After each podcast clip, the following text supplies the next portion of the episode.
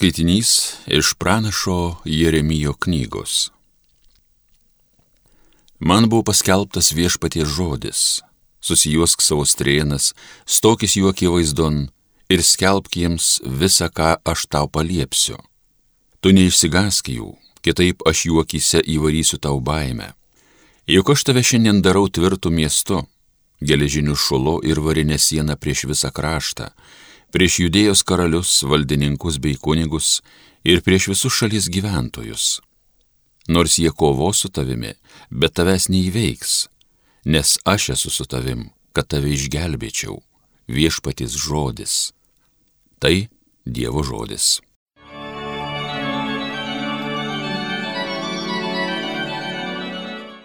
Šlovins mano burna tavo teisybę. Tavo prieglupstin viešpatie bėgu ir niekuomet man neteks kaisti iš gėdos.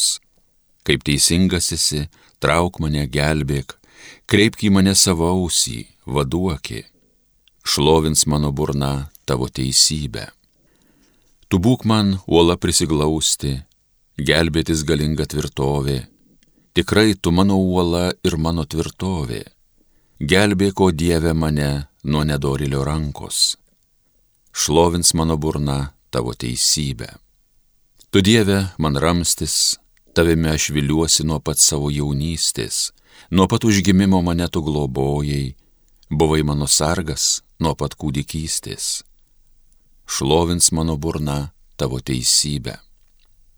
Šlovins mano burna tavo teisybę, tavo pagalbą per visą dieną.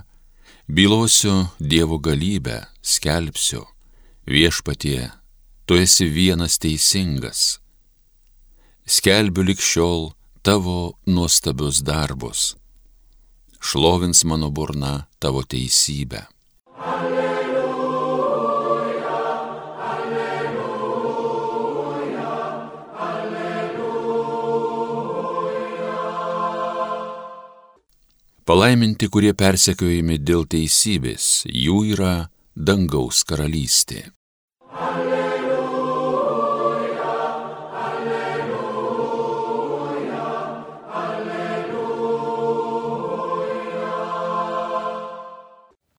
Iš Evangelijos pagal Morkų. Herodas buvo įsakęs suimti Joną ir laikė jį sukaustytą kalėjime dėl savo brolio Pilypo žmonos Erodijados, kurią buvo vedęs. Jonas mat sakė Erodui, nevalia tau gyventi su brolio žmona.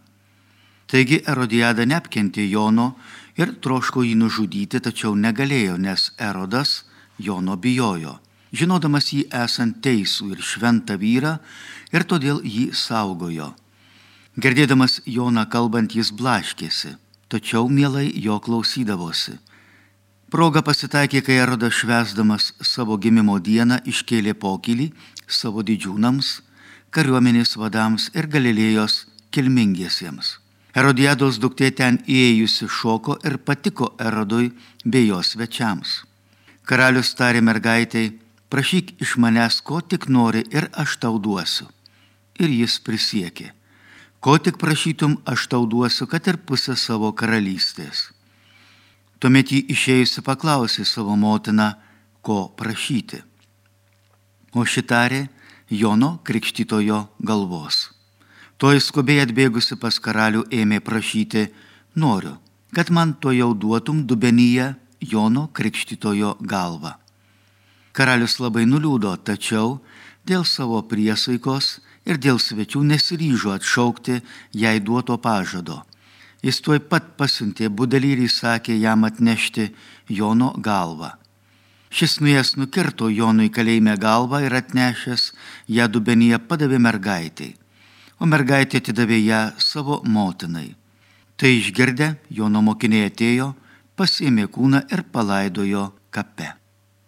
Girdėjote viešpaties žodį.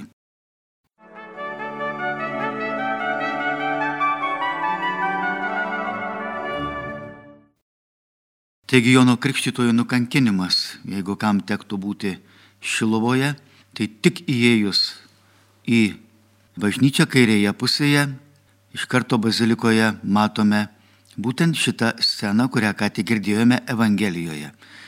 Jono Krikštytojo nukankinimą. Kas mums yra Jonas Krikštytojas? Yra tiesos skelbėjas, liudytojas ir pavyzdys kiekvienam krikščioniui. Tiesa ir teisingumas, kaip sako šventas raštas, tai yra pamatai, ant kurio laikosi visas šitas pasaulis. Ne tik pasaulis, ant jo laikosi valstybė, ant jo laikosi kiekviena šeima, darbovietė, galų gale laikosi kiekvienas žmogus. Kai tik nebelieka tiesos, viskas pradeda byrėti. Puikiai suprantam, kad jeigu laikrodis meluoja, vadinasi, jame kažkas sugedo. O jeigu žmogus pradeda meluoti, vadinasi, ką jis daro, jis sugadina save. Pradeda gadinti pats save savo, savo valia. Ir puikiai žinom, kad ir Jėzaus, ir pranašų neapkentė ne už kažką kitą, bet už tiesą, kurią jie atvirai sakė, pranašai Dievo skatinami, o Jėzus tiesiog tai sakė visiems. Nes tiesa yra pagrindas. Jeigu tu sunaikini tiesą, tada jau nyksta, subyra viskas. Puikiai žinom, kad jeigu kokioj nors fizikoje, matematikoje, nežinau, kosmose, dar kažkur įsiveltų nebe tiesa, bet melas, pradėtų viskas birėti. Jeigu laisvo kritimo pagrindas ne 9,81, bet tik tais, nu, šiek tiek, 9.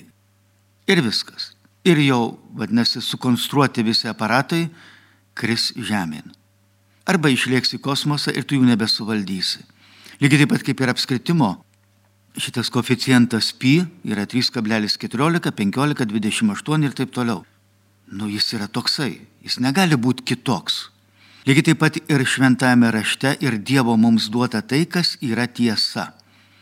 Jeigu tik mes ją pradedam iškreipti, štai tada viskas byra. Kaip ir sakiau, žmogaus, šeimos, ar e, galų gale visuomenės, tautos ar valstybės, ar galų gale pasaulio gyvenime. Ir tą jau liudyja civilizacijų istorija, kai žmonės matėm, kad nuklydo nuo tiesos. Be Dievo be abejo nelieka ir tiesos, nes Jėzus pats sakė, sako, aš esu tiesa. Kelias ir gyvenimas ir jis yra ta tiesa, kurią atmetęs žmogus pradeda meluoti pats savo pats save apgaudinėti, kurti teorijas visokias, kurios nieko bendro su realybė neturi. Ir štai tada viskas pradeda byrėti. Juk puikiai žinom, kad yra toks etilo alkoholis C2H5OH, bet jeigu tik tais truputį pakeiti C2H4OH ir jau gaunasi metilo alkoholis, kuris jau yra nuodai. Nuo jo apaksi. Štai todėl viešpats ir, ir sako, sako, žiūrėk, iš švento rašto negali nieko pakeisti. Nei vienos raidelės, nei vieno ženkliuko. Nes tai tiesiog yra tiesa, taip kaip fizikoje, matematikoje. Ir jeigu tik tais pakeiti, štai tada viskas pradeda birėti. Ir tą Dievas įsako šitą tiesą labai griežtai. Šiandien girdim Jeremijui, jis ką sako, nepalūšk nuo jų, nuo tų, kurie skelbė melą, kad nepalauščiau tavęs jų akise. Turi sakyti, liudyti tiesą. Kodėl? Kad jų pačių paskui nebūtum apkaltintas, jog tos tiesos nesakei. Per paskutinį teismą tie žmonės, kuriem tu nesakei tiesos, jie tave apkaltins, sakys, šitas tylėjo, arba šitas nesakė tiesos, arba jis melavo. Ta mes puikiai girdim, kad ir, ir bažnyčia nekarta buvo taip apkaltinta vien dėl to, kad, na, nesakė tos tiesos. Ir toks pats Einšteinas, Albertas, e, jis kaip sakė, sako, kai prasidėjo antras pasaulinis karas, kai fašizmas prasidėjo Vokietijoje, galvojo, ką sako, sukils žiniasklaida. Tylėjo. Sukils universitetai. Tylėjo. Sukils visos humanistinės organizacijos. Tylėjo. Sako, vienintelė katalikų bažnyčia išdryso pasakyti tiesą, kad tai yra blogis. Žinoma, už tai jie keliavo į koncentracijos lagerius, už tai jie buvo ten žudomi ir taip toliau, visą kitą, bet vat, nuo to laiko pradėjau šitą instituciją, katalikų bažnyčią gerbti. Nu, taip yra, tokia yra ir bažnyčios misija, tokia yra kiekvieno krikščionio misija. Kaip tas žmogus, kuris išėjęs iš teismo tarybiniais laikais, ten tada politiniai teismai būdavo uždari, žmogus išeina ir laimingas visas krikštauja trina rankom, giminės pribėgė, sako, paleido. Ne, sako, davė 20 metų Sibiro. Tai sako, ko tu džiaugiesi? Bet jie sako, manęs nepalaužė. Sako, aš išlikau žmogumi. Išlikau žmogumi. Galbūt aš ten Sibirė mirsiu, bet aš mirsiu kaip žmogus. Štai va ir mums nesugriauti tos tiesos savyje. Iš tiesų tas tiesos aktas kiekvieną kartą vyksta, kai mes einam kur? Iš pažinties. Tai yra tiesos aktas. Ir tiesa, ką padaro žmogų, išlaisvina. Ir tu tampi laisvas. Dievas tada gali tavo paimti, tu įsakai tiesą, taip kaip ir pas gydytoją, kai ateini, ką tu darai, darai, sakai tiesą, tu atlieki išpažinti gydytojui. Jeigu dar reikia, jis tave plikai nurengia arba pats nusirengia. Ten sukiša visokius zondus per visus galus, kur tik tais susigalvoja. Ir tu kenti ir netgi pinigus už tai dar moki, kad tave ištyrinėtų iki dugno, pamatytų, kas tu iš tiesų esi ir koks tu esi. Išpažinties metu tokie prisistatom Dievo akivaizdu ir tada Dievas gali, kad mes jam leidžiam mus sutvarkyti, suremontuoti.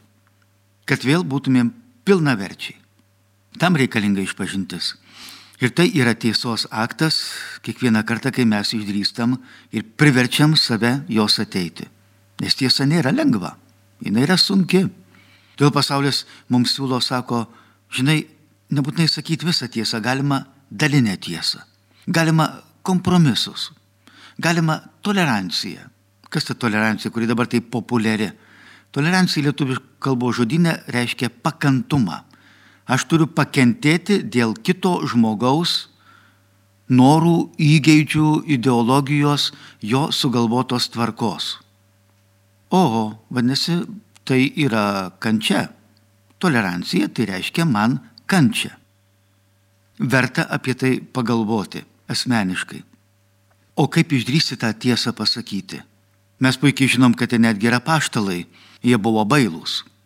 Darė stebuklus savo rankom, prikeldavo mirusius, gydavo ligonis, išvarinėdavo demonus, darydavo stebuklus, bet kai tik pamatė Jėzų prikaltą, psichinė baimė, ką padarė, palaužė, išsilakstė, sėdi dreba. Tie, kurie darė, matė, realiai matė stebuklus. Ir ne vieną kartą, galbūt net ne šimtą. Per tuos tris metus matomų tų stebuklų prisižiūrėjo, tai jiem tapo tiesiog kasdienybė. Ir visgi žmogiška šita baimė nugali. Kaip padaryti, kad jinai būtų įveikta? Kas ją gali įveikti? Aš pats? Ne. Ne, mano sužeista prigimtis man neleidžia jos įveikti. Ir tada mes puikiai žinom, kada paštlai tapo jau nepalaužiami, kada pranašai tapo nepalaužiami, kai buvo patepti. Ir tie, ir tie šventosios dvasios.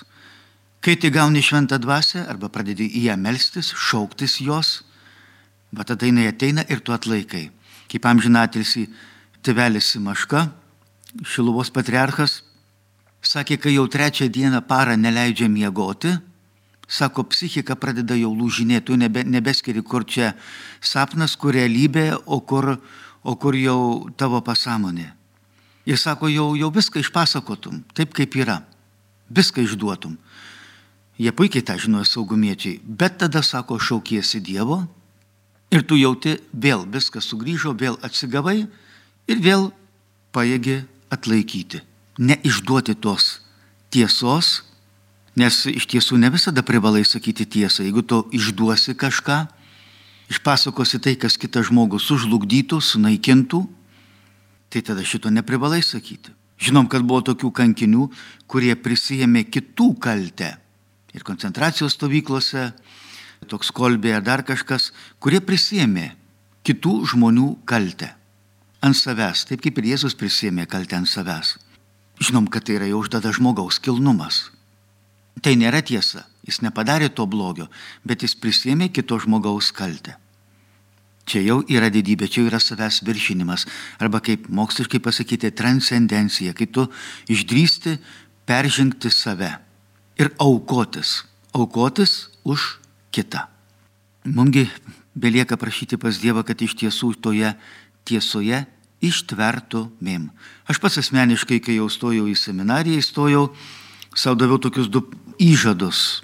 Tai vienas yra visada sakyti tiesą, o antras neprisirišti prie pinigų. Būti laisvas. Taip kaip paskui išgirdau amžinatelsi Tamulevičius, Tiebeliukas iš Kauno katedros, egzorcistas, sakė, sako, pinigai už žmogų greitesni, jeigu tu nuo jų bėgsi, jie tave pavys. Jeigu tu juos vysies, jie nuo tavęs pabėgs. Tai va, o tiesa, taip iš tiesų ir paskui ką aš patyriau, kad žmonės tave pradeda gerbti, kai tu išdrįsti pasakyti tiesą, kuri tau pačiam yra nepatogi. Tu prisipažįsti, kad tu esi kaltas, kad tu žioplas, kad tu toks ir anoks ir kitoks. Žmonės kažkaip pradeda tave gerbti, galų galėtų tampi laisvas. Nes melo, kaip sako žmonės, kojos trumpos, anksčiau ir vėliau visą tai išlenda ir tu prarandi ką? Žmonių pasitikėjimą. Taigi belieka apsispręsti, ar būsi tuo, kuris tave naikina melu, ar iš tiesų išdrysi pas Dievą prašyti, kad ištvertum toje tiesoje, šitame gyvenime ir nepasiduotum tam pasaulio melui, tai daliniai kabutėse tiesai, kurios, na, pilnas internetas, pilna žiniasklaida ir visur kitur. Puikiai teko su tuo ne vieną kartą susidurti ir tu matai, kai tu pats tiesiog duodi interviu kažkokius ir tu paskui matai, kaip jie yra apdorojami ir perkeičiami. Truputėlį, nedaug, bet jau esmės nebelieka. Vat kaip tas. C2H5OH, vat šnapsas. C2H4OH tik trupučiuką pakeistas, bet jau nuodai. Prašykim, kad visgi išliktumėm toje tiesoje patys savo ir kitiems žmonėms, kad nenaikintumėm savyje esančio Dievo. Nesunaikintumėm savyje esančio Dievo, kuris ir yra ta tiesa. Amen.